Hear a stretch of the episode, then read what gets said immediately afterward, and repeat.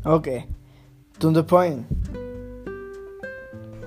Hari ini hari Kamis, tepatnya tanggal 5 Maret di tahun 2020. Ini adalah podcast pertama aku.